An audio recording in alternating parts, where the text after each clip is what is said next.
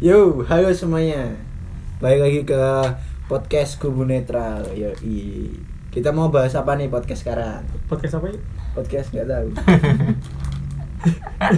Podcast belum ada namanya sampai sekarang. Iya.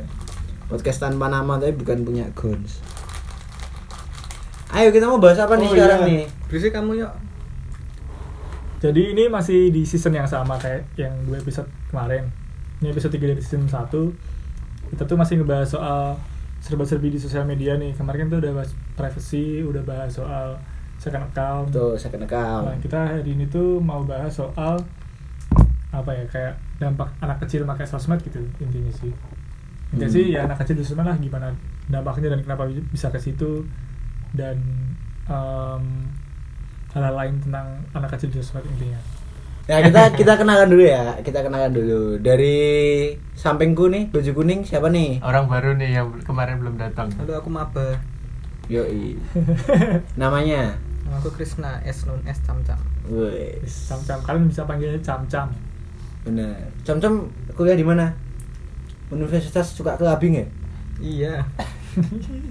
US, US sih dong. Suka. Lanjut. Oke, next. Siapa? Eh, Gio masih ada Gio dari yang kemarin. Karena yang punya kamar kalau besok udah nggak di sini lagi nggak ada lagi. lanjut lanjut. Ada aku presiden. Yoi, terus ada aku, Rayi. Universitasnya sama kayak Cam-cam. Apa? Oke. US sih tadi. Universitas juga ke. Waduh. Waduh. lanjut lanjut. Nah, eh sekarang kan udah banyak nih anak-anak kecil yang punya HP nih masing-masing. Padahal di zaman kita dulu kan kita punya HP baru SD kelas berapa paling kan. Sekarang saudara-saudara kita, ponakan-ponakan kita udah dibeliin HP sama orang tuanya. Nah, menurut kalian gimana nih kalau kalau apa ya istilahnya? Kalau anak kecil zaman sekarang udah udah udah, udah dikasih HP, implikasinya apa menurut kalian? Matanya, matanya minus. Waduh. Dari kecil Benar, matanya. benar. Bener. Nggak, tapi bisa dilihat dari dua, dua- dari dua sisi. Satu, sebagai penikmat konten-konten di internet. Yang kedua, sebagai orang yang bikin konten di internet. Contohnya tuh, tadi siapa namanya? Brooks? Jason. Jason. Jason Ranti. Waduh. Jason Purnomo. Purnomo. Sama Yusafat. Intinya sih, sebenarnya nggak tahu nggak tahu nggak terlalu ngerti sih konten mereka tuh apa aja waktu viral. Kayak sempat viralnya beberapa saat yang lalu. Intinya sih dari konten yang mereka bikin mereka dapat banyak eh, apa ya sih cyber cyberbullying. Dibully lah intinya di eh, konten-konten mereka tuh sama orang-orang lain. Padahal mereka masih di, eh, bisa dibilang masih di bawah umur kan Hmm. masih masih di bawah 17 tahun deh kayaknya yang itu dampak dari orang dari anak kecil yang um, bikin konten di internet dan um, dia itu belum siap dengan tekanan-tekanan yang datang di sosmed Tapi tapi ini aku ya Dan ya. Kalau kalau aku sendiri itu setuju dengan eh, kritik-kritik seperti itu. Maksudku aku eh, love hate relationship nih dalam Ya, dalam ya. dalam hal ini. Soalnya aku setuju sama kritiknya, tapi nggak setuju sama caranya. hmm. Menurutku caranya emang emang emang berlebihan sih di di sosial media itu. Tapi eh apa ya seharusnya juga orang yang dalam tanda kutip kena bully itu juga tidak apa ya tidak terus mengambil hati dari situ menurutku Hmm. gitu sih Tapi anak kecil ya. masalah juga kan? ya masalahnya kecil makanya problemnya itu kalau misalnya dia udah dewasa dikatain itu kita bisa ngasih jarak toleransi ah ini udah gede nih Ya, walaupun ya, nggak- ya. walaupun nggak jadi pembenaran tapi orang lebih gede bisa lebih memilah mana yang diterima mana yang enggak ini masih kecil nih anggapannya anggapannya masih belum cara berpikirnya dan cara menyikapinya masih belum Hmm. sedewasa orang di atas 17 tahun Oh, kalau orang yang udah gede dikatain bikin klarifikasi. iya kalau ini ya siapa tahu anak-anak kecil yang pada bikin konten dikatain tuh ada yang siapa lupa ada yang pokoknya dia nutup kontennya lah nutup channelnya Hmm. tapi ada juga yang dia ya cuek dan bikin Balik lagi ke yang eh, masalah balik ke Rai tadi yang cara menyikapi. Tapi emang harusnya ya kalau lihat konteksnya yang bikin kayak gitu anak kecil memang jelas pasti sangat sudah jelas itu cringe Iya. harusnya karena dia masih explore kan maksudnya kayak dia melakukan apa yang dia suka harusnya Hmm. orang itu tuh mengajari karena anak kecil anak kecil tuh harusnya diajari supaya dia tahu mana yang benar mana yang salah maksudnya kayak yang benar tuh ya yang gimana bukan kalau dia dibully seperti itu kan berarti dia nggak tahu dia salahnya di mana dan dia pasti bakal kemungkinan besar dia bakal takut untuk membuat hal expose di media sosial. Padahal yang dia bikin mungkin ke depannya nggak bakal kayak gitu toh. Bener-bener aku setuju sama cam-cam. Soalnya sebenarnya media sosial ki karena aku kemarin kuliah ada media massa gitu. Sebenarnya kan media sosial tuh membuat semua orang bisa bikin konten dulu. Nggak ada filternya nggak kayak koran ada editornya nggak kayak apa namanya TV TV gitu ada tim produksinya media sosial Iya. kan semua orang bisa bikin terserah mereka nah cuman kalau ke anak kecil tadi kan sebenarnya anak kecil bikin konten tuh dari bikin channel YouTube-nya emang udah boleh kayak gitu loh Nah, itu akan kita bahas setelah ini. Tapi amount of komennya sih yang ini yang terlalu banyak. Soalnya kan aku juga merasakan pernah gak sih kalian eh, di masa-masa yang alay dulu misalnya SD apa SMP Hmm.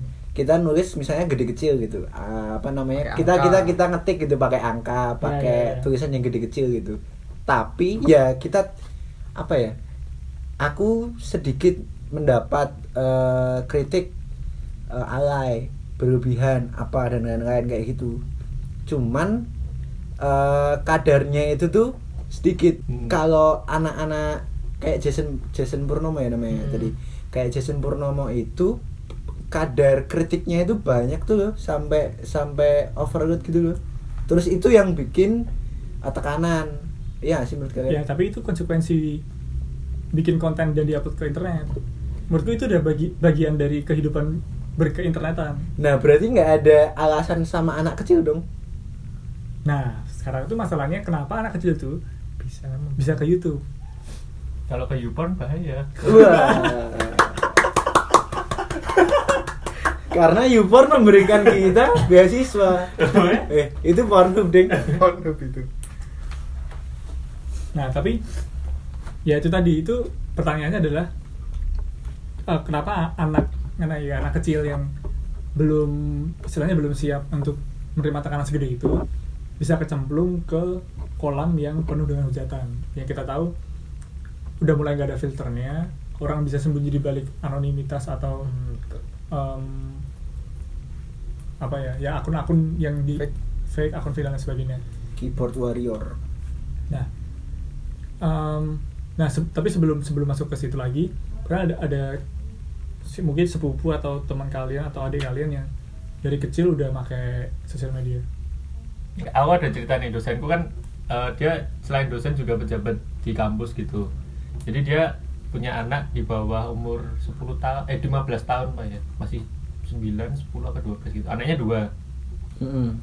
ya dia juga cerita ke ke kita ke mahasiswanya kalau kalau misalnya ada kegiatan BEM dia kan yang ngurusin kan. Terus udah ngajar ngurusin kegiatan BEM kalau pertemuan misalnya hari Sabtu gitu kan terus otomatis waktu buat anaknya kurang. Nah, anaknya juga diajakin tuh buat datang ke kampus. Oh, tapi dikasih nah tapi kan Gadget. dia memperhatiin kegiatan mahasiswanya ngapain. Nah anaknya dikasih gadget. Ya gitu buat kayak eh, biar ada kerjaan gitu kalau enggak kalau ditinggal di rumah ya dia Sabtu apa enggak Sabtu jadi sama aja nggak bisa ketemu kayak gitu kalau nggak diajakin ke kampus yang menjadi pertanyaan anak itu ngakses apa dan ibunya memberikan batasannya kayak Ya, gimana ya, ya. karena sebenarnya sekarang tuh konten buat anak-anak tuh banyak YouTube for Children aja udah udah rilis tuh Ya. Eh, tapi diawasi, diawasi sama ibunya sih di sampingnya gitu. Iya. Ya, jadi diawasi sama ibunya di sampingnya. Jadi eh, kontennya tahu apa yang dibuka sama anaknya. Pasti tayo. Tapi kayaknya juga nggak mungkin buka konten-konten yang nggak mutu.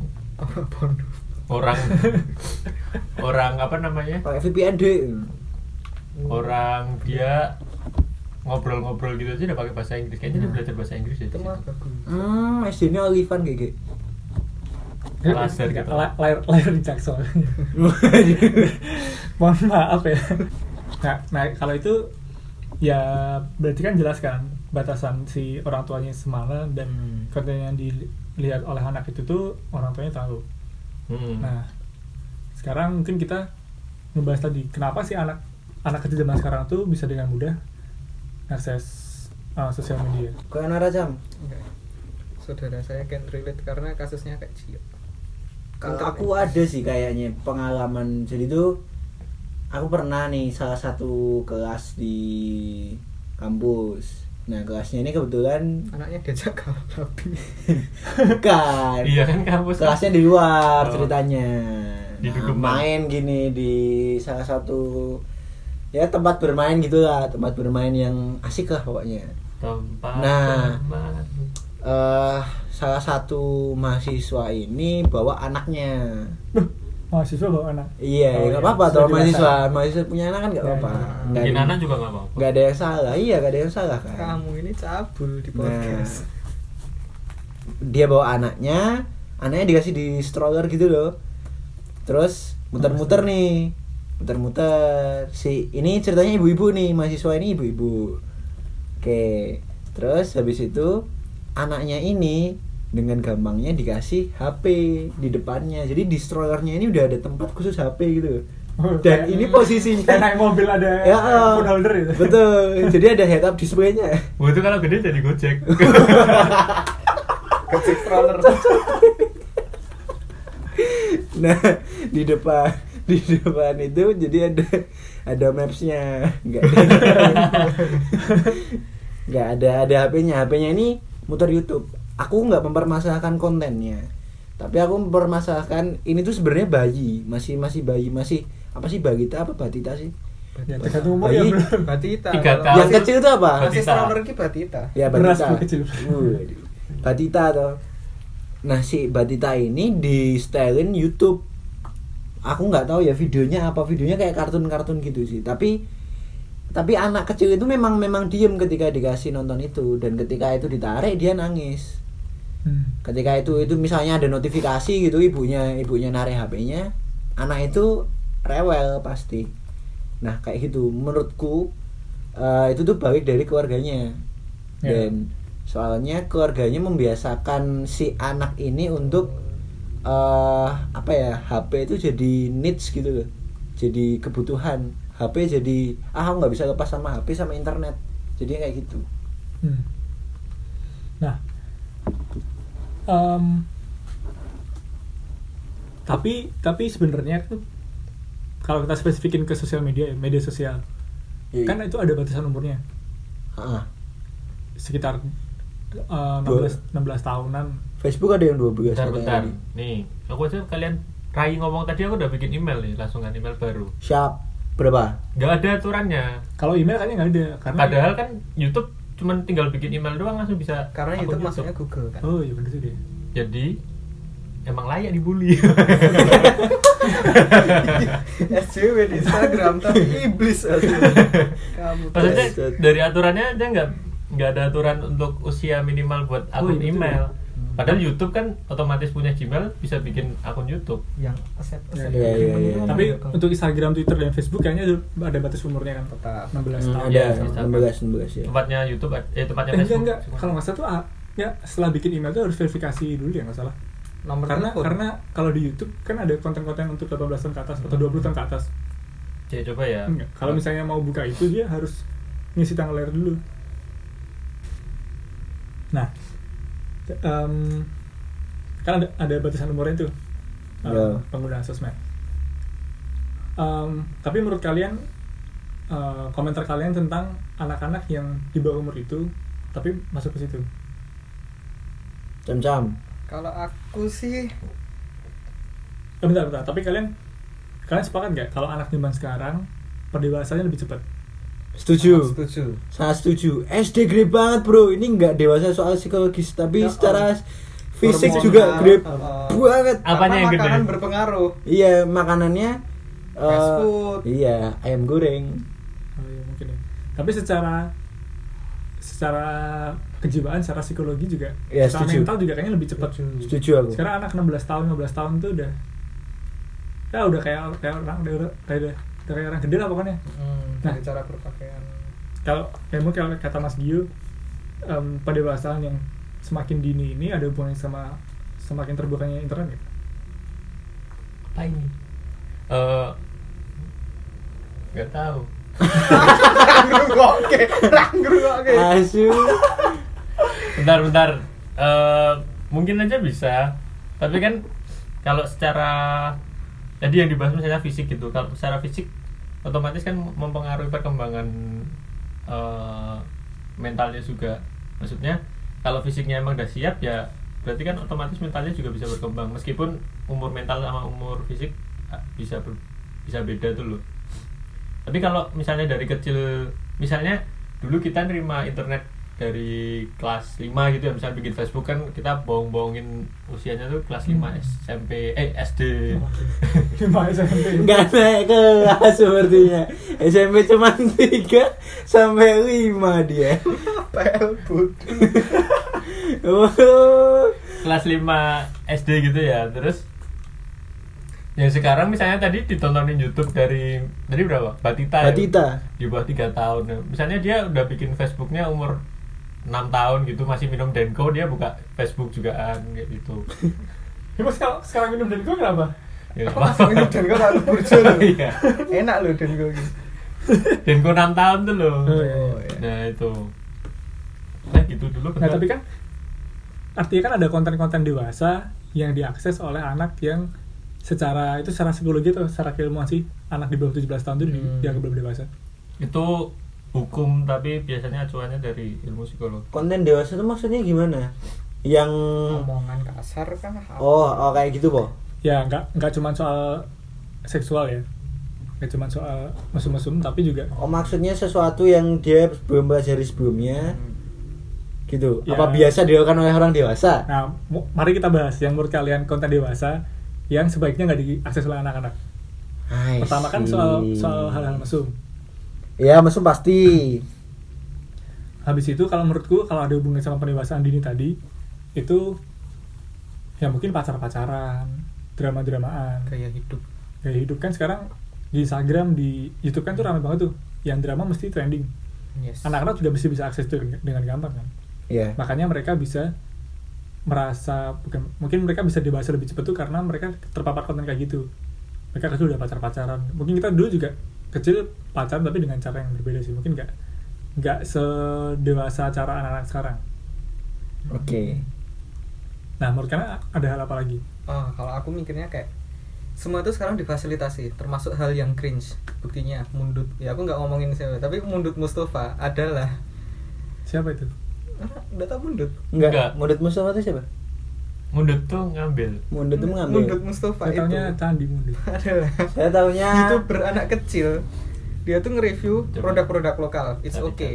Tapi yang dia temen yang modelnya ditanyain berapa harga outfit lu?" oh ini ya mundut Mustafa harga bentukannya yang ditanyain kayak gitu sangat kampung Oh, oh. aku lihat di Instagram tadi itu sangat enggak mesti kayak mana tuh mana tuh yang mana tuh ada yang 32 juta Lihat, kalau lihat, salah lihat, lihat lihat lihat bentar. itu parah karena gaya hidup itu tuh juga difasilitasi kayak ya gimana ya balik-baliknya nyari duit. Dia me- apa ya membuat hal-hal KW supaya orang yang nggak mampu ngelihat role modelnya itu belinya lari ke barang yang KW ujungnya dibikin konten.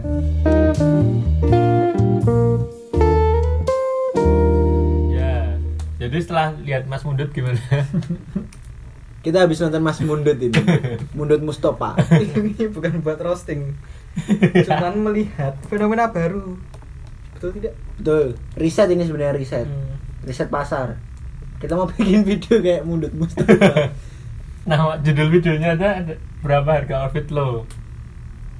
Ya jelas bahas kayak gini lah Ya, Hmm. tapi tapi intinya sih soal konten-konten dewasa yang di asal akses tadi sebenarnya itu prinsipnya kalau menurutku pribadi ya sini ini pri- pribadi nih lebih baik anak-anak tuh tahu dari orang tuanya daripada mereka tahu dari orang lain Hmm, nggak bener nggak salah juga sih Gak ada Iya. kalau menurutku sih kalau orang tua yang udah ngasih apa namanya HP dari kecil terus misalnya anaknya udah sampai bikin sosial media ya mereka tang bentuk tanggung jawabnya harus berani jelasin konten-konten yang ada di situ jadi kalau Hmm. anaknya tanya eh, apa ya misalnya nemu kondom gitu Wah, kondom itu apa Uh, pak gitu apa di YouTube gitu. Misalnya kan ada iklan iklan apa namanya iklan kondom gitu tiba-tiba nonton YouTube kan emang ada? Ada dulu si itu apa namanya yang di pramugari pramugari itu itu ya. loh. Oh. itu berarti kan harus siap jelasin aja sih kalau aku mikirnya cuma gitu. Orang tuanya harus siap jelasin kalau ngasih fasilitas kayak gitu. Bener sih. Aku ya orang tuanya tuh kembali lagi Iya. keluarganya kan gimana pun ah, seorang anak itu adalah yang diberikan fasilitas kayak tadi cam-cam ngomong cuman yang akhirnya punya yang punya kontrol kan dua sebenarnya tapi kontrol yang paling besar kan adalah orang tuanya ketika anaknya masih kecil ya kan ketika kita masih kecil kan kita tidak apa ya menentukan pilihan kita eh, sepenuhnya sendiri Ya. Hmm. Iya kan? Tapi ketika kita udah gede di umur tertentu, kita baju udah milih sendiri nanti terus ya apalah kesukaan kita, hobi kita nanti kita milih sendiri. Nah, aku setuju omong omongannya si Gio tadi. Kalau orang tua tuh megang peran yang lebih besar. Cuman orang tua orang tua yang nggak siap sama apa namanya ya ya cuman ngasih aja sekedar untuk ya biar anakku nggak rewel kan itu yang salah jadi benar-benar tapi ya emang susah juga. Karena karena dengan kondisi yang seperti itu lingkungan juga ikut membentuk ya. ya misalkan anak SD sekarang. Bukan batita lagi. Anak SD ngelihat temennya udah punya iPhone. Oh iya, iya. itu beneran fenomenanya. Kalau memang sejak kecil anaknya nggak dibi- dibilangin kayak ngapain kamu punya kayak gitu? Buat apa? Itu kan juga nyusahin orang tua kan bla bla bla bla bla bla iya iya, benar. Apa pernah baca di Twitter tuh ada ibu-ibu ibu-ibu muda. Ya maksudnya anaknya tuh SD SD kelas 1 kelas 2 atau masih TK ya waktu itu. Si anaknya tuh minta minta HP minta diantar pakai mobil apa Hmm, minta main bener, ke mana bener. itu gara-gara teman-temannya semua kayak gitu. Kalau nggak dibully? Iya kalau nggak dibully. Aku Tidak. dulu mengalami sih. Apa apa masih? Pindah sekolah. Wah. Ya emang kayaknya habis itu dibina sekolah sih sama ibunya. Pindah sekolah negeri tapi dulu aku sebenarnya mengalami cuman masalahnya ini nggak ada media sosial. Kayak dulu Vespa nek Vespa zaman sekarang Vespa zaman dulu ya. Vespa Vespa lawas itu kan zamanku SD itu jadi bahan bully. Dulu ibuku jemput aku pakai Vespa itu aku dibully sama teman-temanku. Dan aku malu. Tapi Vespa zaman sekarang jadi apa namanya jadi primadona kan. Jadi tren lagi. Jadi tren lagi justru nah mak- maksudku itu adalah hal yang sama gitu loh. Kalau ketika aku nggak diantar pakai mobil aku dibully. Aku nggak Hmm. aku aku diantar pakai Vespa aku dibully. Kan ada korelasi nggak sih di situ Oke, sebenarnya ada. berarti anak-anak suka bully. Ya emang basicnya kayak gitu kan pertemanannya Iya, iya. dari dari dulu tuh loh sebenarnya. Tapi dengan adanya Sosial so- media. ya itu tuh semakin memperlebar medianya mereka untuk membuli. Heeh. ya bener sih ya bener sih. Iya sih. Sangat benar tapi kalau kalau bahas buat pencegahannya sih sebenarnya pencegahan eh, pencegahan bully-bully gitu yang berhubungan sama mental tuh sebenarnya ada dua. Yang pertama tuh kayak kita berobat sakit fisik tuh loh. Jadi misalnya kamu dibully kamu sakit kamu ke rumah sakit gitu apa ke psikolog gitu. Nah yang kedua tuh modelnya komunitas. Jadi kayak sekolahnya itu dibikin fair lingkungan sekolahnya atau lingkungan keluarganya. Jadi kalau dengan kayak gitu eh, bentuknya pencegahannya eh eh, bullying itu di, dicegah. Jadi bukan orang habis dibully baru eh, konsultasi tapi lingkungannya dibikin buat cegah bullying kayak gimana gitu caranya? Karena kan kalau ngomongin lingkungan kan sebenarnya itu hal yang sesuatu nggak bisa kita susah untuk melakukan preventifnya tuh loh Ya, bahkan kalau lingkungannya tuh kita ngomongin internet tuh lingkungannya udah nggak Nah, wah udah. Global Se- malah. Iya maksudnya makanya jadi kalau misalnya ada anak kecil memakai internet pakai so- media sosial misalnya pakai Instagram nih dia ngepost sesuatu dan ternyata kebetulan viral kayak dua anak si siapa namanya tadi? Yosafat sama Yusin Purnomo tadi kebetulan viral di komen banyak orang dibully dari dari media sosial. Itu kan ya dampak yang dia terima anak kecil kan mas rasanya akan lebih gede daripada kalau dia udah dewasa kan? Jadi kalau misalnya lingkungan yang diatur tuh dengan konteks sekarang ada media, ada media sosial gimana ngaturnya? Ya kalau yang tadi kan aku nanggapin yang rai itu ya berarti lingkungan sekolahnya dulu jadi kayak sebenarnya kampanye-kampanye sederhana tuh kan eh, akhirnya di situ. Jadi misalnya kayak iklan pemerintah bikin banner-banner apa gitu kampanye itu kan mau membentuk eh, ling- masyarakat yang sadar akan hal itu dulu. Misalnya sadar orang dibully itu bakal kayak gini bakal kayak gini. Hmm. nah semakin semakin orang sadar kan semakin lingkungannya terbentuk eh, kayak memaklumi kan memaklumi kayak apa ya? Kalau aku nggak mau digituin ya aku jangan gituin tuh loh kayak kesadaran akhirnya kan kayak gitu tapi ya emang kalau kalau media sosial emang luas banget susah. Ini bisa aja dibulinya sama orang luar gitu kan ya. Orang luar negeri yang membuli kalau kalau misalnya satu negara udah udah udah, udah ngedong gitu loh. Tapi malah jarang loh. Orang luar membuli. Maksudnya sesama orang luar. Kayak Iya, yang paham, datang itu justru orang dari kita sendiri. Ya ya mungkin karena itu karena apa namanya mesti kaget tuh loh. Media sosial kan Hmm. baru booming. Kita kita kelas 5 tuh berarti apa? 2010 2009 ya sekitar itu. Pasti masih 10 tahun kan. Saya di Indonesia anggapannya eh ya karena komunal itu ya nggak nggak. Nah di luar kan menurutku gara-gara individual jam jadi eh, do your own thing gitu loh. Kalau misalnya kalau misalnya kamu melakukan sesuatu hal yang memalukan ya bukan urusanku. Ya malulah sendiri. Nah beda kalau di Indonesia nih menurutku. Kalau di Indonesia hmm. ada satu orang misalnya anak kecil melakukan hal yang memalukan ah bikin malu Indonesia lo. Ah ini gini ah gini gini gini gini. Dibully akhirnya. Kalau ada orang zina nanti ya kena azab semuanya. Iya. Diarak weh, keliling kampung. Diarak telanjang. Nah jadi kalau misalnya lingkungan kayak gitu menurut kalian cara ngatisnya gimana? Selain dengan Mas Kyo tadi ngomong apa soal lingkungannya dan soal apa? Kampanye kampanye itu tadi. Hmm. ya jadi ya kayak kita kita bikin kesadaran misalnya kita ngobrolin gini kan sebenarnya juga salah satu bentuk campaign buat orang sadar bahwa eh, media sosial tuh ada dampak negatifnya juga buat anak.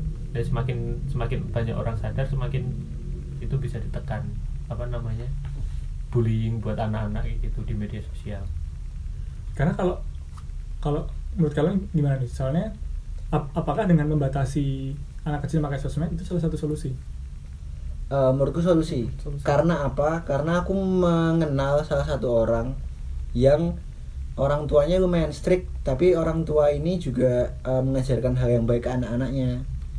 Ini sebenarnya mirip eh, ketika aku dulu juga dibatasin sih. Aku dulu main game itu game komputer loh ya ini pas belum zaman booming HP kalau sekarang kan boomingnya HP aku dulu main game komputer itu cuma boleh Sabtu sama Minggu dan itu modelnya reward and punishment Nah menurutku reward and punishment ini seharusnya mas- eh, apa ya masih masih relevan dilakukan sekarang gitu loh. Ketika kamu melakukan kewajibanmu yaitu belajar gitu misalnya ya. Anggap anggap aja kita yang yang normal yang sekolah kayak gitu.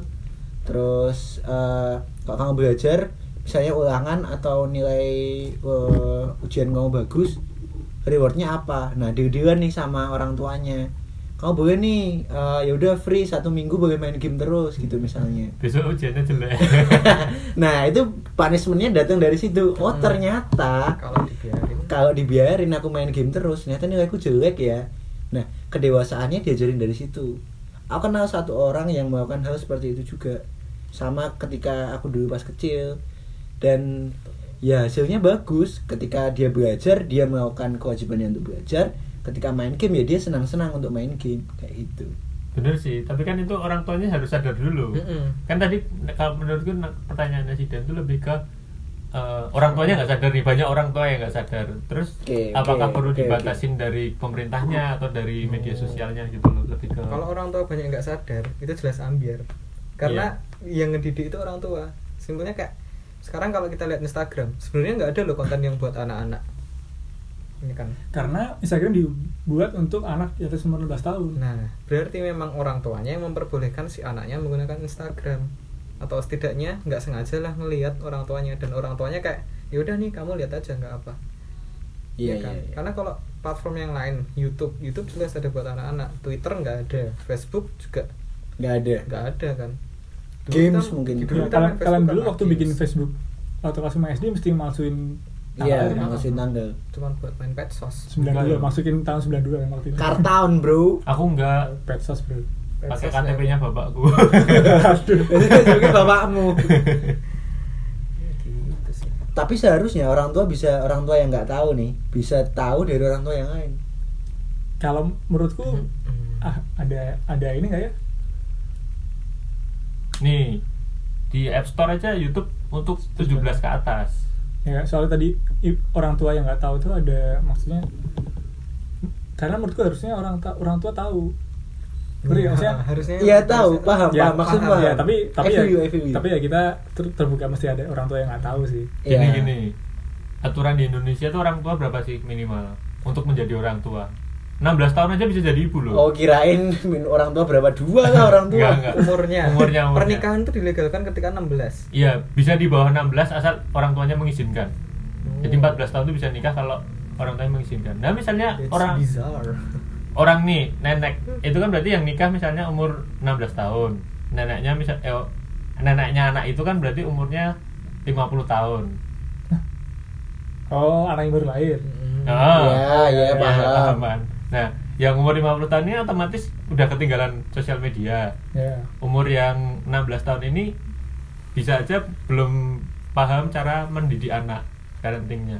Ya nanti kan bayinya itu ya misalnya kalau udah tambah dewasa ya hancur dong. Maksudnya kayak orang tuanya nggak paham buat mendidik gimana, apalagi tambahin sosial medianya. Sekarang aku mikirnya gini, kalau misalnya orang tua yang nggak sih 16 tahun atau 17 tahun itu, mereka main medsos dong. Main medsos, berarti mereka bisa lihat dong influence dari medsos itu seperti apa kalau untuk anak kecil. betul Kan mereka bisa sadar dari situ dong. tapi nggak bisa Nggak segampang bisa itu kita ngomong bahwa itu. orang sadar Ya emang nggak bisa segampang itu, aku aku sadar sih. Cuman eh, orang tua yang mau belajar, ya itu itu di garis bawah deh, mau belajar. Berarti kan sedikit demi sedikit mereka juga, oh begini tuh cara kerja medsos. Oh kalau untuk anakku gimana ya? Tapi ya ini balik lagi nih aku ya, ini mungkin kita, Ya, mungkin yang ya, ya. dengerin podcast ini Hmm. juga. tapi kalian sempet ada masa diajarin pakai sosmed sama orang tua nggak Enggak. enggak kan Justru orang tua yang tak ajarin Ya, iya sosmed. kan. Nah, kan? berarti kalau orang angkatan kita jadi orang tua, harusnya kita yang ngajarin. sangat kan? capable ya kita bisa sekarang kan bisa ngomong gitu tapi kita nggak tahu depannya kita bakal 10 tahun diajarin 10 tahun ke depan Oh, iya. apa yang terjadi apa kita masih ngikutin tren atau enggak kita nggak tahu? Kayak Kita diajarin sama nulis gitu ya berarti dulu ya. Orang tua kita ngajarin nulis. Bisa. Besok kita ngajarin anak kita sosmed tapi anaknya udah pakai Iya. apa kekuatan super. Kekuatan super. Wah, pakai kekuatan super apa ya mengutip omongannya iki apa trailernya dua dua garis biru kira dua satu dua. Ayo nih, ayo nih dua satu dua.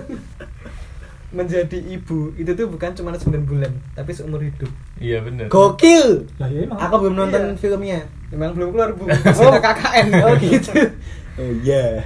karena ya memang harusnya belajar parenting itu udah banyak banget parent talks terus alah akeh lah itu itu bakal Bener, bener. itu bakal lebih kompleks sih tapi intinya di konteks sosial media ini karena ya kita di- aku sih beranggapan bahwa semua orang harus semua orang tua harusnya tahu Iya, seru sih ini seru. ap- apalagi sih. yang kalau yang sekarang kalian bisa Hmm. memperhatikan sekitar kalian walaupun mungkin skillnya kita nggak nggak cukup mewakili pendapat semua orang ya Iya. tapi orang-orang tua baru di sekitar kalian mesti ma- masih tahu cara pakai sosmed dong Kalau aku sebut orang tua millennials emosi nggak jangan disebut millennials, orang tua aku bukan orang tua millennials Oke.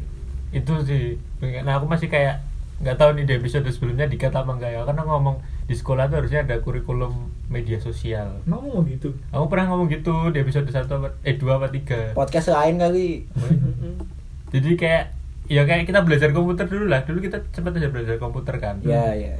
Maksudnya ya ya setidaknya ada pengarahan dikit lah. Nggak tiba-tiba ada teknologi terus kita suruh belajar sendiri. Aku mau nanya pernah nggak kalian ngelihat justru orang tuanya yang kaget dia malah ngajarin ke anaknya maksudnya kayak ternyata medsos itu bisa kayak gini terus dia ngajarin ke anaknya pakai medsos gimana tapi dia nggak tahu itu baik atau buruknya soalnya lucu ini gara-gara fenomena orang tua orang tua eh, Itu mau Hah? Hah? orang tuamu ngajarin kamu pakai bigo kok. Telas. Ini nggak bisa dapat uang dari Bigo ternyata mas. Coba kamu bikin. apa sih ini Eh, ibu dan bapak kosnya teman saya ya. itu tuh main ML Mobile Legend. Oh, Mobile Legend. Oke. anaknya aku itu dia belum bisa naik sepeda roda dua karena dia masih pakai sepeda roda tiga. Dan anaknya main nggak ML dan anaknya nggak tahu ML awalnya. nggak tahu. Tapi gara-gara orang tuanya. bisa main Mobile Legend. Push, push rank mantap bareng push rank. Push rank bro. Itu kurang orang soalnya masih empat orang. Itu nanti anaknya anaknya sebelas bikin ini bikin tim e-sport. Tapi kan aneh so kops lo iya benar benar benar tapi tapi lucu sih tapi lucu sih iya iya. itu orang tuanya cuma jaga kosan bu Heeh. oh. Ya, maksudnya dengan dia gabut dia harusnya bisa mengajarkan hal yang lain. Kenapa dia nggak belajar tentang parenting, malah main Mobile Legend, ngajarin anaknya Mobile Legend? tapi orang tua muda memang orang tua muda enggak.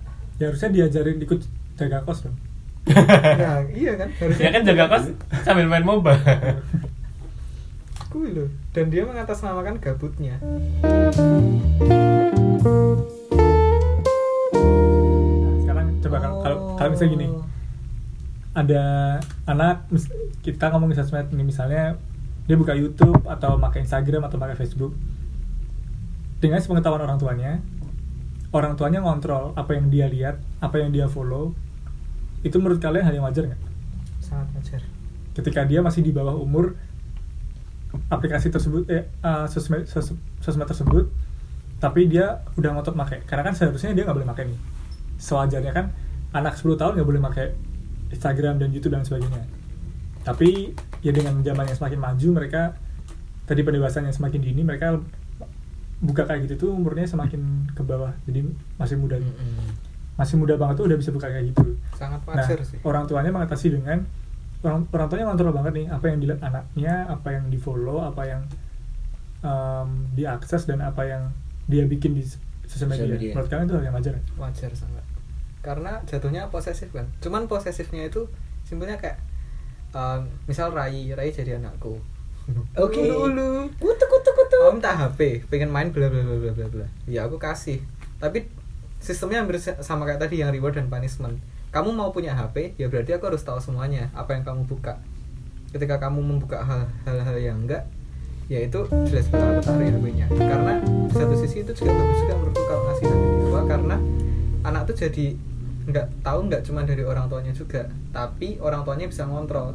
Jadi gimana ya? oke paham banyak yang masuk tapi masih dalam kendali orang tua. berarti Iya. kalau anaknya ta- tanya cara bikin kapal selam gimana ya Ya, orang tuanya harus bisa jelasin. Pempek Iya. kapal selam goblok Tahun banget Jogja ini- Hunter. Ini lihat-lihat tuh di internet sih, maksudnya Hmm. orang tua zaman sekarang emang harus pengetahuannya harus emang jadi orang tua tuh pengetahuannya harus banyak. Yes. Jadi bisa menjelaskan. emang orang tua dulu nggak harus banyak deh ya dari dulu harus banyak sih tapi Oke.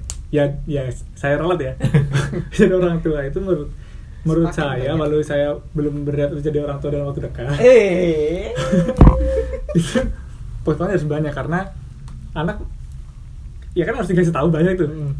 kalau misalnya si anak nih buka YouTube terus lihat em, belanja cupang. Ya lihat si siapa tuh namanya? Itu si anak yang baru viral di YouTube.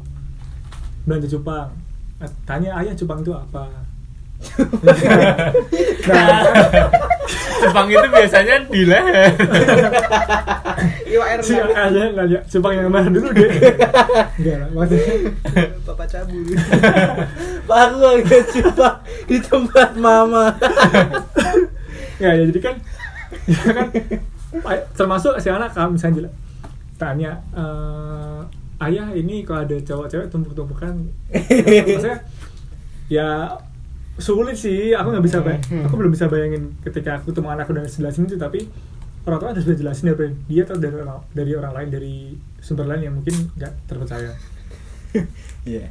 Ya kan? Termasuk oh di stand up Ernest Ernest pernah bilang si anaknya yang yang Sky atau yang Snow nanya eh, kalau nggak salah nih ayah eh, semut itu kalau duduk gimana? Oke.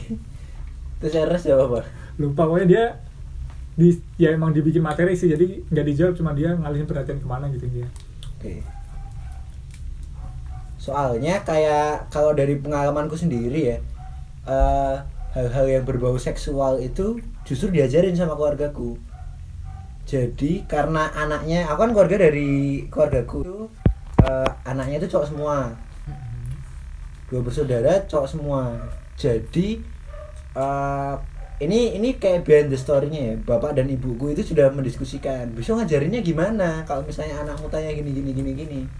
Nah, sebelum anaknya tanya kalau dari bapakku keputusannya adalah eh, ngajarin untuk eh, seperti apa ya nggak kaget gitu dengan dengan hal-hal semacam maaf ya payudara gitu aku biasa kami kalau misalnya kan ada kan cowok-cowok yang misalnya lihat eh, apa namanya lihat BH di jemuran gitu. Dia tutup mata ini.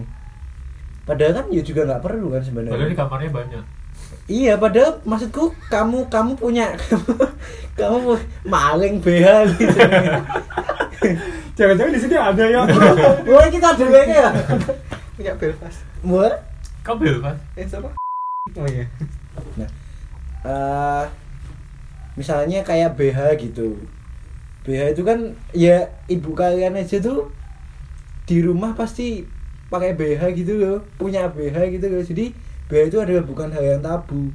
Nah, kalau di keluargaku diajarin hal seperti itu bukan bukan hal yang tabu. Kalau aku ya, aku mandang itu adalah hal yang benar untuk dilakukan. Karena terus anak-anaknya tidak ber- justru berfantasi dan berpikiran lain-lain gitu loh. Oh ini ternyata bisa di kayak giniin kayak gini kayak gini gitu. justru diajari tahu Biaya bisa di kayak gini. Dia dia diapain di kayak giniin. pesulap kok Biayanya dibikin yang enggak misalnya kan ada kan eh, ya gitu kan Gokil gitu bro. ya cokil with bra gitu kan ada ada. Benar-benar. Nah kayak gitu maksudku harusnya kalau aku sih setujunya dengan hal-hal yang orang tua itu menjalin komunikasi dengan anak seterbuka mungkin. Nah kemarin aku habis nonton ngobamnya si David Bayu Hmm. itu dia sama dia bool itu bahasa Indonesia apa sih Silet. Jadi dia dia ngom si si pantat Sih nanti banyak Jawa. si ya pantat lubang pantat si David itu ngomong eh, ngomong lubang pantat gitu ya dia ngomong kalau ngomong ke ah lubang pantat gitu misalnya ngomong ke anaknya gitu ya nggak apa-apa bukan bukan ada hal yang kalau di rumah ya emang di rumah nggak boleh ngomong kotor nggak boleh miso ya emang emang sepatutnya seperti itu. Tapi kalau misalnya kamu di luar sama teman-temanmu ya nggak apa-apa. Kan untuk pergaulan aja tapi nggak terus diterus teruskan ngomong ke orang tuamu. Ah pantat tuh apa apa kayak gitu kan? Enggak kan? Dia bentar jadi anak. Iya kan? Tapi bapaknya pun ketika ngomong kayak gitu misalnya menceritakan temennya ah ke ah kelakuannya temenku nih kayak kayak lubang pantat ya Mas." nah gitu misalnya gitu pun sah sah Apa aja salahnya lubang pantat nggak lubang pantat kan tidak terlihat hal yang tidak terlihat kan saring Aurat. Iya, iya. gitu sih kalau menurutku Kalau menurutku sih eh, apa namanya? Orang tua tuh siap jadi contoh dulu. Karena anak tuh selalu mencontoh lingkungannya. Salah satu proses belajarnya anak tuh lihat mencontoh perilaku orang. coba biar teman-teman relate kalau dari keluargamu apa yang kamu contoh dari orang tuamu Nah, saya bentar. Tapi aku nggak tahu ya, tak apa. Enggak, enggak, aku saya nggak ngomong, nggak mau ngomong teori ya. nggak mau ngomong ke, ke situ. Aku tuh mau ngomongnya eh, karena anak itu mencontoh orang lingkungannya. Jadi orang tuanya tuh juga jangan takut ngajarin yang beda ke anaknya. Jadi misalnya lingkungannya tadi pengen iPhone semua gitu. Ya jangan takut beli Xiaomi gitu kayak gitu loh. kenapa Soalnya baik kan tuanya ngajarin miskin gitu Iya, enggak. Xiaomi mahal bos Xiaomi juga ada yang mahal. Maksudnya jangan misalnya temanku SD itu ada yang eh dia siapa namanya dia nggak punya HP sampai SMP. Padahal kan kita biasanya punya HP itu udah kelas 5 kelas 6 kayaknya kita udah punya HP nggak sih SMS-an gitu udah bisa. Iya. Ya. Nah, dia itu masih pakai telepon rumah. Jadi kalau teman-teman yang mau hubungin dia, ya pakai telepon rumah. Itu sampai SMP. Ya udah kalau kalau mau apa namanya beda tuh ya ya beneran beda. Tapi itu bukan karena orangnya nggak mampu, tapi karena emang orang tuanya mau ngajarin kayak gitu. Emang butuhnya apa sih kalau masih SD? Zaman kita dulu ya. Tapi kan kalau sekarang main YouTube gitu, siapa tahu gurunya ngasih tugas harus lihat internet gitu. betul pak betul betul betul betul Jadi kayak ya harus beda aja karena eh, jadi role model. Kalau di keluarga gua kayak role modelnya. Road Nah, tapi itu kalau dari sisi anak dan orang tuanya. Kalau dari sisi orang-orang di internet selain mereka, menurut kalian kita bisa apa buat menghindari hal-hal buruk itu em, nempel ke anak-anak? Kalau menurut Kominfo sih safe search dan diblokir. Hmm. Ada VPN. safe search menurutku diterapin nggak masalah sih Mm-mm. soalnya kalau orang udah gede ya tahu caranya pakai VPN gimana maksudnya Anak kalau kecil nggak tahu. kalau anak kecil ya kecuali kemarin gara-gara diblokir terus jadi pada tahu Hmm. informasinya ya. Maksudnya kayak kayak nah menurutku pe- kominfo itu juga bakal tahu tuh loh kalau orang diblokir bakal, bakal pindah ke VPN Iya, semuanya. Jadi maksudnya dia ngeblokir itu dengan pemahaman itu juga. Tapi kan anak kecil sewajarnya nggak tahu caranya pakai VPN itu gimana. Tapi ka- kalau aku sebenarnya blokir-blokir itu nggak setuju sebenarnya karena jadi membuat yang seolah tabu jadi semakin tabu. Ya. misalnya Kominfo ngeblokir situs porno nih anak-anak nggak bisa nyampe ke sana tapi ketika mereka nyampe ke sana bisa jadi mereka nyampe ke sana karena karena hal yang salah. Nah karena uh, kalau misalnya ngomong seksualitas itu kan sebenarnya hal yang uh, no- tumbuh begitu aja dalam diri manusia kan. Itu bisa muncul dengan kapan pun dan kita bisa kontrol. Nah kalau misalnya orang tuanya bisa ngasih tahu maksudnya nah itu tuh kegiatan itu tuh namanya ini orang lakukan itu karena ini. Terus itu dibikin karena ada orang yang pengen nonton. Ada penjelasan dari orang anak tuh paham oh ini tuh ada karena ada mereka tuh tahu latar belakangnya si situs porno ini. Tapi ketika situs porno diblokir itu tuh membuat hal ini semakin tabu dan orang tua mungkin juga jadi tabu ngomongin ini karena anak nggak bisa nyampe ke sana Da- dapat nggak Dapat dapat.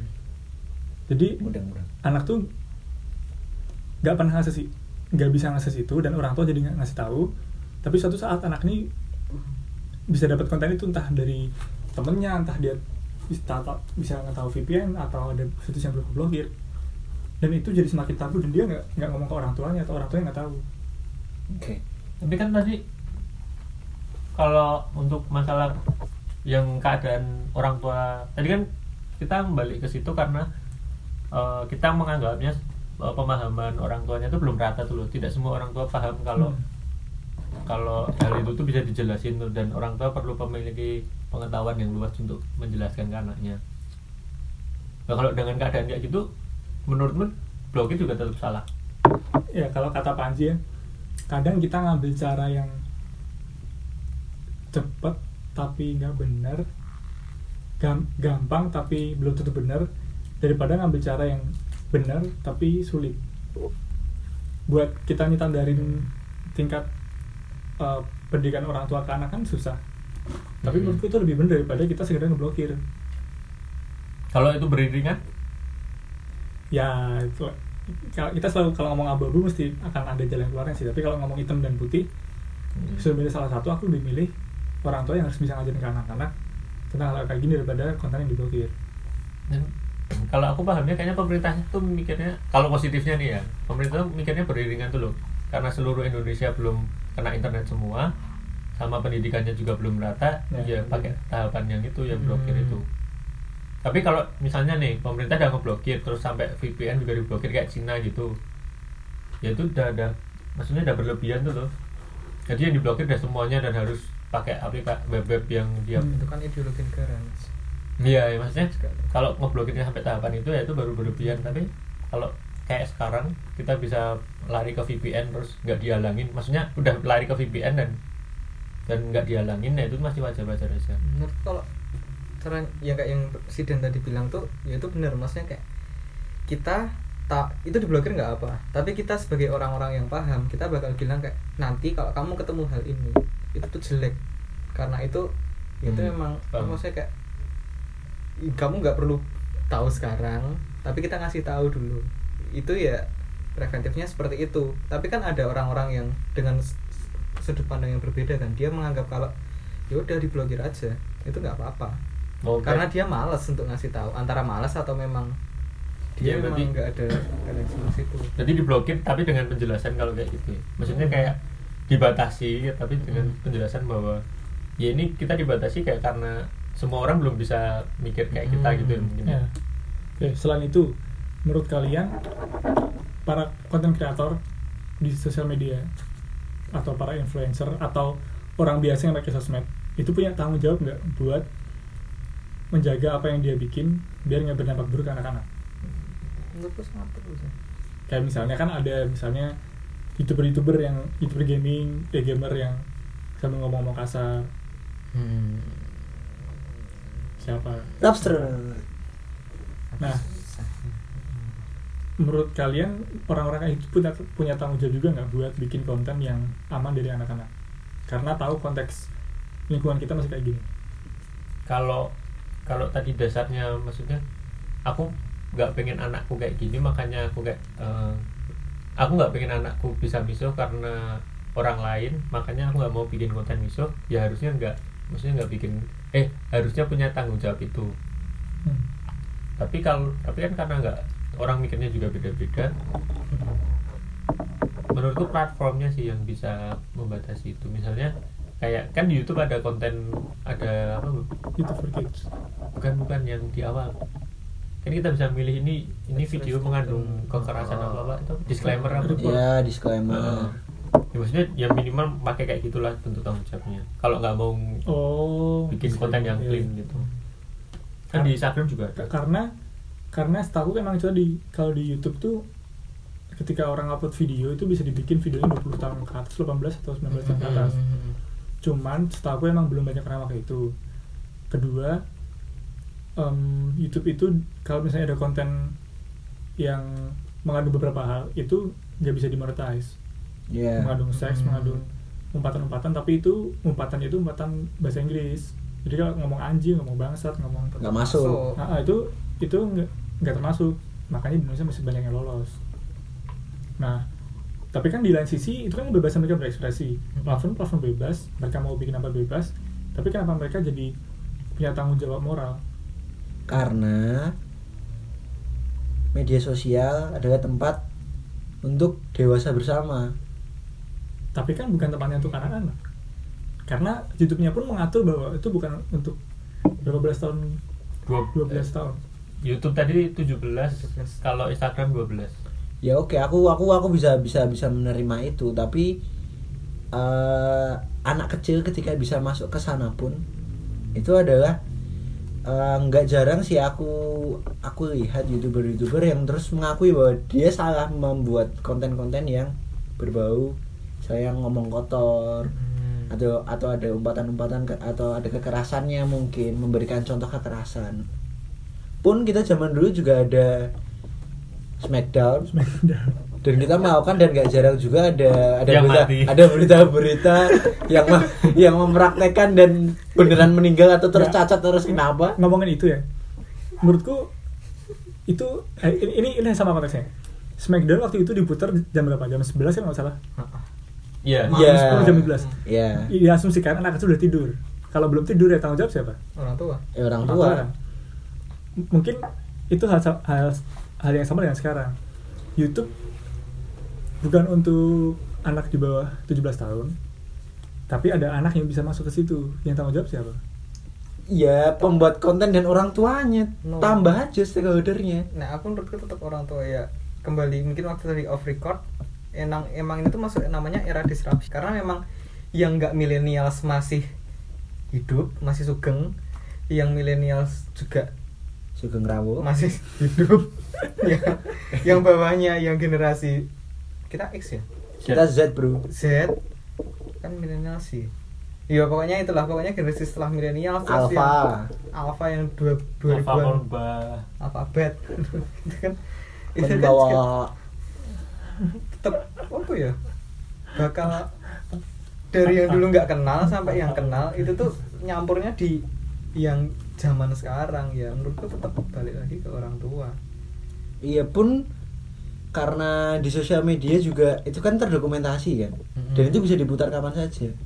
Yes. pun kalau misalnya tidak kita tidak mendapatkan konten itu sekarang bisa saja kita mendapatkan konten itu besok besoknya hmm. atau kita kita mendapatkan konten itu. Ya itu tadi kenapa aku ngomong itu adalah proses pendewasaan. Karena yang membuat konten pun menjadi dewasa lama kelamaan menjadi dewasa dan yang mengkonsumsi konten pun menjadi lama kelamaan dewasa. Terus itu juga aku tadi mau ngomong pentingnya kesepakatan antara orang tua sama anak bahwa misalnya kita tahu kata-kata seperti asu misalnya ah, asu itu anjing terus habis itu Oh. Apa itu tadi?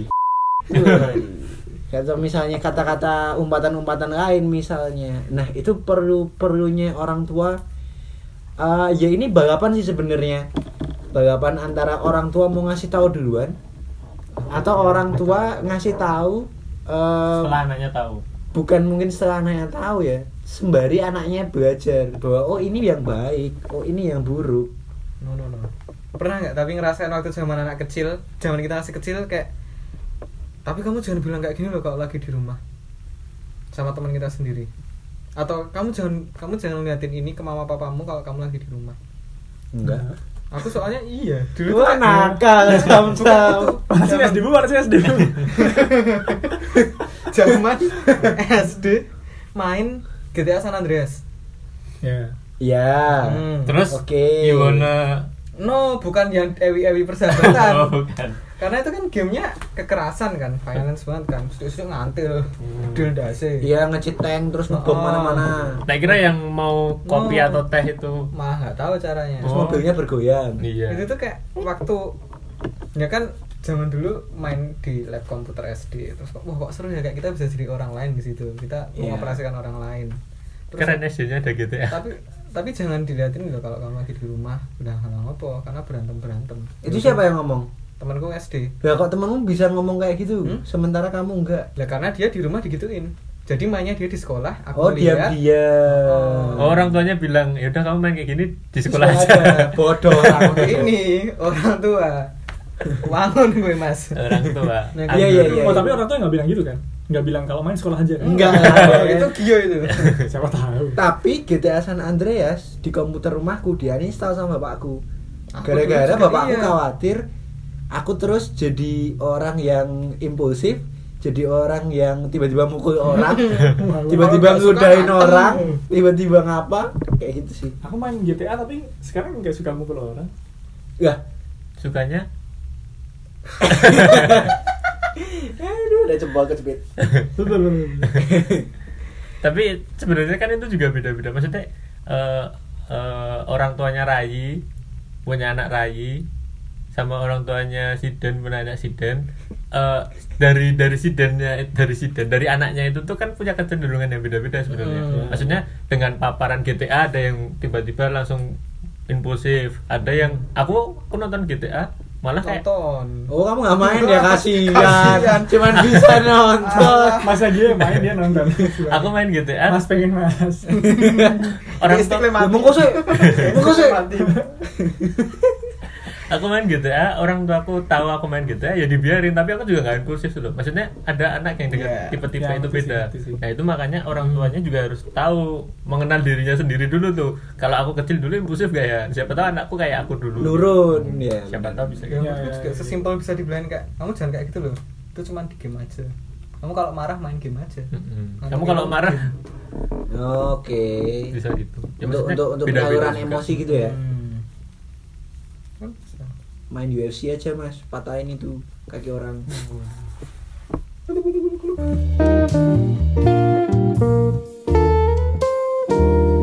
Ya jadi kalau menurutku tadi kan kesannya kalian eh, eh, biarin aja tuh loh konten-konten yang kayak gimana di YouTube yang penting orang tuanya bisa jelasin. Oke.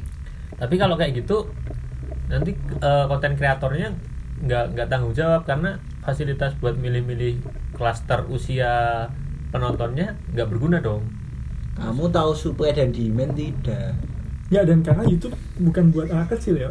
ya kalau gitu ngapain dibikin fasilitas itu? Maksudnya kalau aku pahami sih YouTube bikin fasilitas itu ya biar biar konten kreatornya di mereka juga juga ngambil itu. Maksudnya bentuk tanggung jawabnya dia juga milih itu. Itu bisa. Tapi jelaskan namanya sesimpel kayak kita lihat film-film agen rahasia. Gimana pun sistem dibuat mesti bisa dibobol.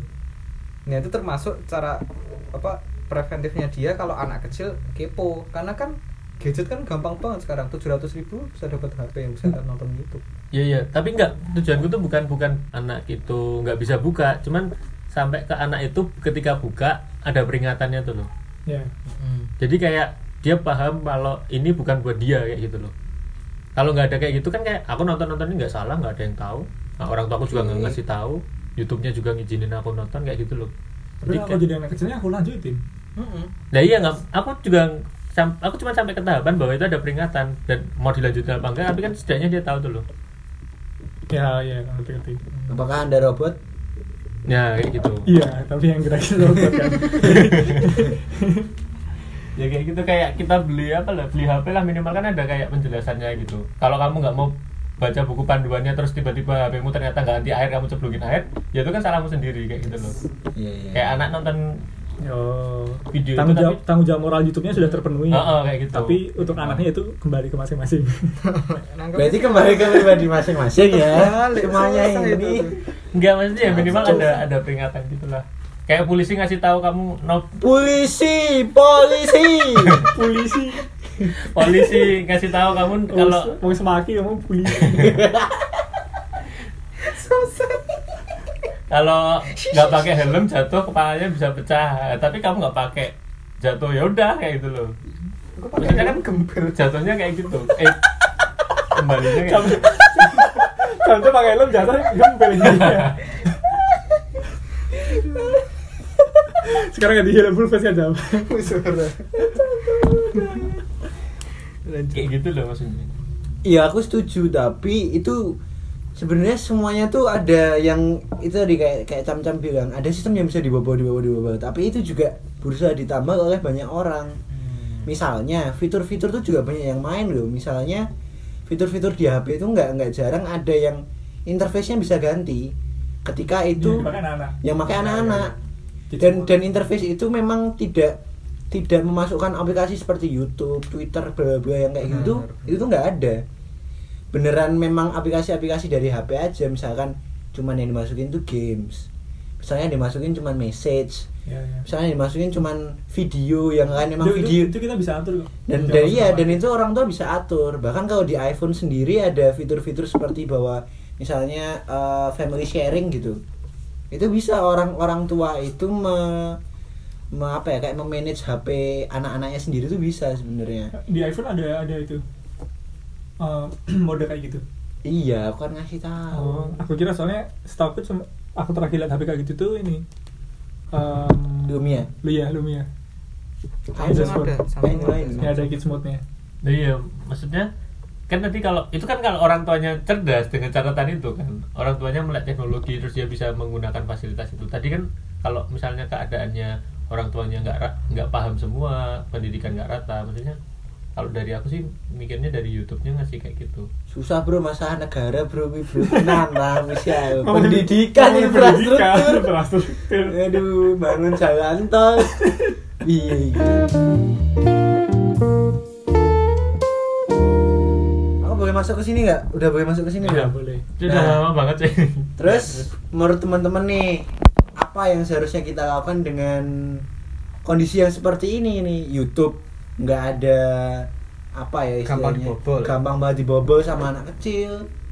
Sekarang VPN juga orang-orang juga pada tahu HP-HP sudah pada canggih-canggih orang tua eh, pengetahuannya tentang eh, teknologi juga tidak sepinter anaknya. Menurut kalian gimana nih? Siapa dulu nih? Menurutku ya. ya menurut Mas Camcam dulu. Sebagai apa maksudnya? Kita tuh generasi selanjutnya kita bakal jadi orang tua kan. yes. Nah, era-era seperti ini, era-era Oh, yang si Gia mau jadi Romo Amin. aku mau jadi Romo kamu kawin surga jadi Habib aja eh gue gondrong wae bari iki di Ustad Ustaz ya. kan mau. kita sebagai bagian Con. Lanjut aja lanjut era-era kayak gini. Itu tuh kita selanjutnya bakal jadi orang tua, kecuali. Gio yang jadi Romo. oke gitu kan nah eh, udah gimana kayak zaman-zaman di mana orang-orang yang nggak dong sama teknologi yang orang tua bukan 4.0 lah Oh, siap. zaman 2.0 atau 3.0 lah net TV bro ya kan pasti bakal ya mohon maaf pasti bakal meninggal kan Ya. nah, dilanjutkan oleh generasi yang lebih paham teknologi meskipun besok bakal ada teknologi yang lebih advance yes tapi setidaknya udah punya pesangon yang memang kita seharusnya sebagai orang yang S1 meskipun di Universitas Kelabing Iya. kita tuh tetap tahu gimana caranya ketika kita bisa mengatur diri kita sendiri pastinya harusnya lebih mudah untuk mengatur orang lain Oke, setuju. Itu saja Mas Amjam. Oke. kalau kalau menurutku pendidikan di sekolah dasar atau di SMP harus masukin hal kayak gini masuk filsafat harus dimasukkan Setuju. Mundas, mau filsafat get SD. harus tetap Mundas, Bro. oh, bro. filsafat simpel Oh ya. se semendasar berpikir kritis maksudnya kan ya sistem kita nggak membiasakan buat kita berpikir kritis kan kalau salah tuh kalau beda berarti kalian salah Ya. ya kan jadi kita nggak dibiasakan berpikir untuk mengkritisi sesuatu, mengkritisi sesuatu kalau misalnya kita terbiasa berpikir seperti itu seenggaknya kalau kita lihat suatu konten itu kita bisa mikir bisa mengkritisi. Jadi nggak terima langsung. Mentah-mentah. Termasuk kalau mau ngomong spesifik ya ya sekolah terbuka aja lah kalau emang udah ada media sosial udah ada internet itu kita gimana nyikapinya. Dan kalau misalnya Jokowi mau bikin soal revolusi mental pendidikan karakter dan lain sebagainya mungkin salah satunya itu hal-hal berbau internet soal sosial media itu bisa dimasukin ke materi-materi pembelajaran Oke, menarik. Ide yang menarik. itu aku tadi ngomong itu Masukin PKM aja ini, guys. PKM itu apa program kreativitas Mahasiswa. hmm. bu tapi kan sekarang muatan lokal masih ada nggak sih ya nggak tahu saya Nah, ngerti aku zaman kapan ki muatan lokal, Bro? bahasa. Jawa Karena di SMA ra entuk. tapi SMA lain masih ada kan Motor. Ada, ada. Masa sih? Oh iya, bosa sana bosa. STC masih ada? Pramuka. Cina dira niat sekolah. sekolah. ya, ya itu sih aku setuju sih. Maksudnya dimasukin kurikulum aja. Mas, maksudnya jangan kalau misalnya itu dianggap di negara lain nih kampung banget nih negara masih masih masukin pelajaran internet gitu. Internet dijadiin mata pelajaran. Ya nggak apa-apa karena emang kebutuhannya juga baru sampai situ tuh loh. Tapi kalau pembelajaran internet tuh cara buka Google Chrome Kromi Kromonium. terus yang bervirus Enggak terus peng- HTTP peng- kepanjangannya apa Ya. www kepanjangan itu nggak penting maksudnya lebih perilaku ya Iya, perilaku, di perilaku internet. di Etiknya. etiknya. Sebenarnya pendidikan harusnya pendidikan dasar harusnya ngajarin etik secara luas juga sih, nggak cuma di internet. Tapi kan pendidikan kita masih terpacu kalau nggak pintar matematika berarti bego gitu kan. benar-benar Aku lebih melihat ke revolusi ke SD dan SMP sih. Karena menurutku tidak tidak semua guru bisa mengajari mata pelajaran semuanya. Mudah nggak maksudku? Jadi eh aku agak nggak setuju sama model model guru yang bisa semua mata pelajaran tuh loh. Iya. Pasti dia ada satu mata pelajaran yang harusnya dia memang eh, khusus di situ. Menurutku kayak gitu sih. Soalnya itu yang bikin amburadul karena eh, anak-anak jadi tidak ter ini terlepas dari tadi pikiran kritis ngajarin tentang filsafat-filsafat dasar kayak gitu. Tapi secara dari sumber daya manusianya ini sendiri dari gurunya ini juga dibenahi. Karena ketika gurunya ini tuh dalam tanda kutip bener gitu ya anak-anaknya juga akan bener. Karena eh, murid itu nge-look up sama siapa sih ngelihat sama siapa mencontoh siapa kalau di sekolah nah pasti itu adalah salah satunya adalah guru selain teman-temannya. Kayak gitu menurutku. Jadi ketika ada guru-guru yang memang pernah nggak sih kita dulu pas SD atau SMP kita tuh suka banget sama satu guru ini gitu? Pasti kan ada kan? Hmm. atau di SMA gitu misalnya. Nah guru-guru yang nah itu syarat Butika. Sekarang mengajar di Primagama waduh. Homeschooling nah itu role model seorang guru tuh menurutku penting tapi eh, SD pun aku tidak punya guru yang aku suka gitu loh pada zaman dulu. Aku baru aku baru memfa- memfavoritkan satu guru itu ketika aku SMA Dan- emang, emang di SD bu kelas kelas empat lima enam nggak rolling gurunya. rolling tapi yang awal-awal kan enggak Nah iya satu sampai tiga doang. iya. Enggak aku sampai kelas 4 kayaknya Kelas empatku udah rolling sih. tempatku sampai kelas 4 kelas kelas 5 kelas 6 itu masih eh kelas 5 kelas 6 udah rolling. Kelas 1 sampai kelas 4 tuh belum rolling. Dan ya itu mungkin bimbingan konseling dan apa sih istilahnya? Bimbingan konseling satu lagi itu apa sih? Kalau kayak kita SMA dulu namanya. Kepelan apa namanya? Ada kepelan ya? Ya bimbingan konseling BK kan? BK oh, konseling sama ya namanya ya Iya, nah bener. eksamen misalnya bimbingan konseling itu juga menurutku BK. penting ada ada seseorang yang bisa kamu ajak curhat tentang gimana studimu apa permasalahan Hmm. misalnya med- media sosial pun kan sebenarnya kegalauan anak-anak itu kan juga juga mengikuti zaman kan misalnya dia galau kok. Sosial mediaku misalnya followersnya sedikit ya.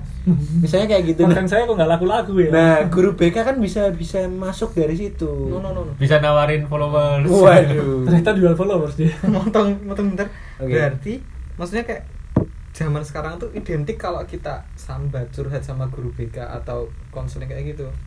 Orang tuh nganggapnya kayak wah kamu berarti punya masalah ya? Jadi orang tuh malu kalau dia tuh punya masalah nah ya Nah, itu. itu beda lagi. Itu Nah. panjang itu. Susah kan Itu juga sebenarnya. cerita. Bener lagi. sih bener sih. aku aku setuju sih. Ya ya susah ya. Ya itu ya janganlah kayak gitu ya. Pokoknya janganlah. Itu nggak bener lah ya. Pokoknya intinya ketika kamu curhat sama guru BK kamu kayak gitu. Bukan berarti anda bermasalah. Bukan berarti anda berbeda dari teman-teman anda. Tapi ya misalnya lagi sharing gitu sama guru BK kan bisa membantu dari situ. Pun guru BK bisa membantu nge-follow up ke orang tua. Terus orang tua bisa diskusi dan melakukan hal apa nih? Ya itu Anak. memang fungsinya guru BK oh ya iya. Tapi orang nggak mau lari ke situ kakak. Nah bener sekarang guru BK tuh ngapain? Malah sniperan supir truk. Waduh saya tahu. Karena saya tahu durasi durasi. Ya oke ya kira-kira kayak gitu ya. Guru BK itu menurutku penting sih dan SDM dari guru-gurunya sendiri itu juga perlu dibenahi. Itu sih. Ya sekian podcast. Oh, Mas Gio masih mau ngomong? Silakan. ya tadi kan kalau dari tadi oh belum ngomong nih. Ya dari tadi kan dari guru orang tua gitu kan. Nah siapa tahu yang dengerin kita ini ada anak-anak juga. Oh bener. Spotify Hmm. minimal umur berapa? Nggak ada ya kalau anda yang dengerin anak-anak ada. Kalau kamu yang dengerin anak-anak gimana sih? Kalau kamu anak-anak. Nah kalau anda. Kamu yang dengerin Aldi. Kalau yang kalau dengerin kamu masih kecil. Kalau kamu masih kecil ya itu tadi.